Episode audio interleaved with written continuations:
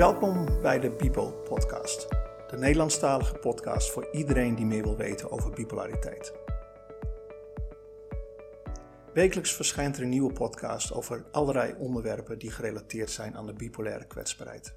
We gaan het onder andere hebben over de soorten bipolariteit, kenmerken, hypomanie, manie, depressie, hyperseksualiteit en nog vele andere onderwerpen. Mijn naam is Peter, ik ben 50 en recent heb ik de diagnose bipolaire kwetsbaarheid type 2 gekregen. Na de diagnose, die leek alsof ik een rechtse directe vol in mijn gezicht kreeg, ben ik vrij snel aan de slag gegaan met het begrijpen wat deze kwetsbaarheid betekent en ook hoe ik met deze kwetsbaarheid om kan gaan. En persoonlijk was het ook relevant omdat ik, nou, weliswaar achteraf, diverse situaties en gedane beslissingen kon verklaren. Niet leuk, maar wel verhelderend. Zie deze podcast als een uitgebreide serie van psycho-educatie. En nogmaals, wekelijks verschijnt er een podcast in deze serie.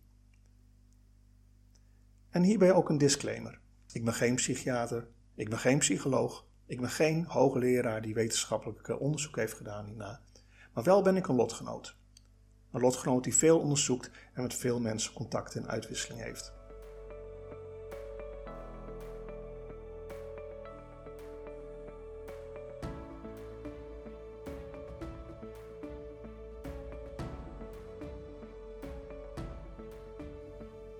Even beginnen bij het begin.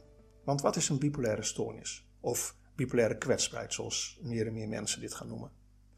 En ik ga hiervoor de definitie gebruiken die de vereniging Plusminus hanteert.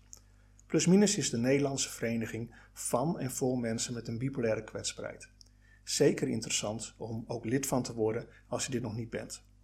Voor minimaal 30 euro per jaar ontvang je het magazine, je ontvangt uitnodigingen voor conferenties en webinars en je kan via de regio-teams ook contact krijgen met lotgenoten in de regio. De definitie is als volgt. Een bipolaire stoornis is een psychische aandoening met hypomanische of manische en depressieve episodes, onderbroken door stabiele periodes. Tot circa 20 jaar geleden werd het ook een manisch-depressieve stoornis genoemd. Deze laatste benaming wordt officieel niet meer gebruikt. Bipolariteit is te herkennen aan uiterste in stemming en activiteit. Het komt voor bij ongeveer 1,3% van de Nederlanders. Omgerekend zijn dat ongeveer 210.000 Nederlanders.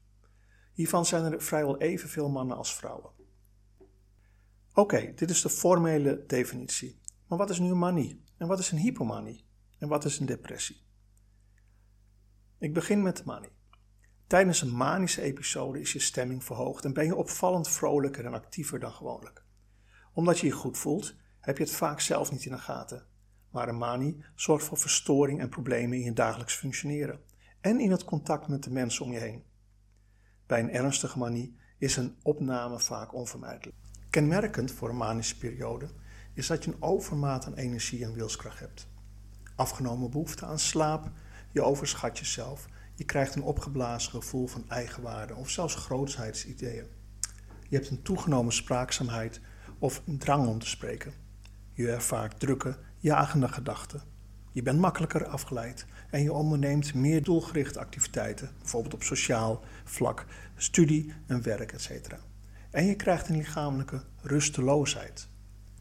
De kenmerken van een hypomanische episode komen redelijk overeen met de kenmerken van een manische episode, maar ze zijn minder sterk. Het voelt minder krachtig dan een manie en het heeft zodoende ook veel minder grote gevolgen voor je dagelijks functioneren. Maar wel een belangrijk punt van aandacht. Veel mensen, inclusief artsen en psychologen, denken dat hypomane e- episodes lichter zijn, maar dat is niet zo. Onder andere de, de, depressieve episodes zijn gemiddeld zwaarder en langer. Hier ga ik in enkele van de volgende podcast dieper op in. Even terug naar de hypomanie. Je kunt in deze episodes zelfs boven gemiddeld productief zijn en je daar prettig bij voelen. Het hoeft dus niet storend te zijn. Wel kan het de voorbode zijn van een manie. Het is dus wel belangrijk om hier goed op te letten.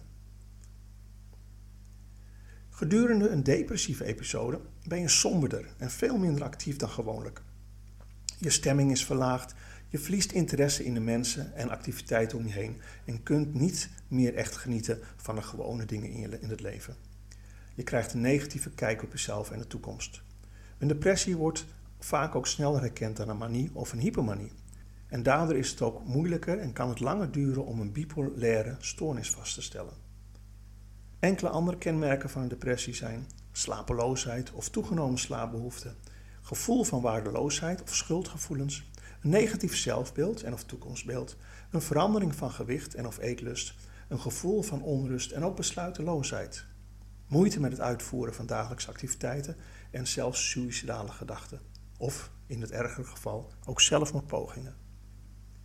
Heb je gedurende kortere of lange tijd geen klachten, dan is er sprake van een stabiele periode. Een belangrijk doel van de behandeling is om deze stabiele episode zo lang mogelijk te laten duren.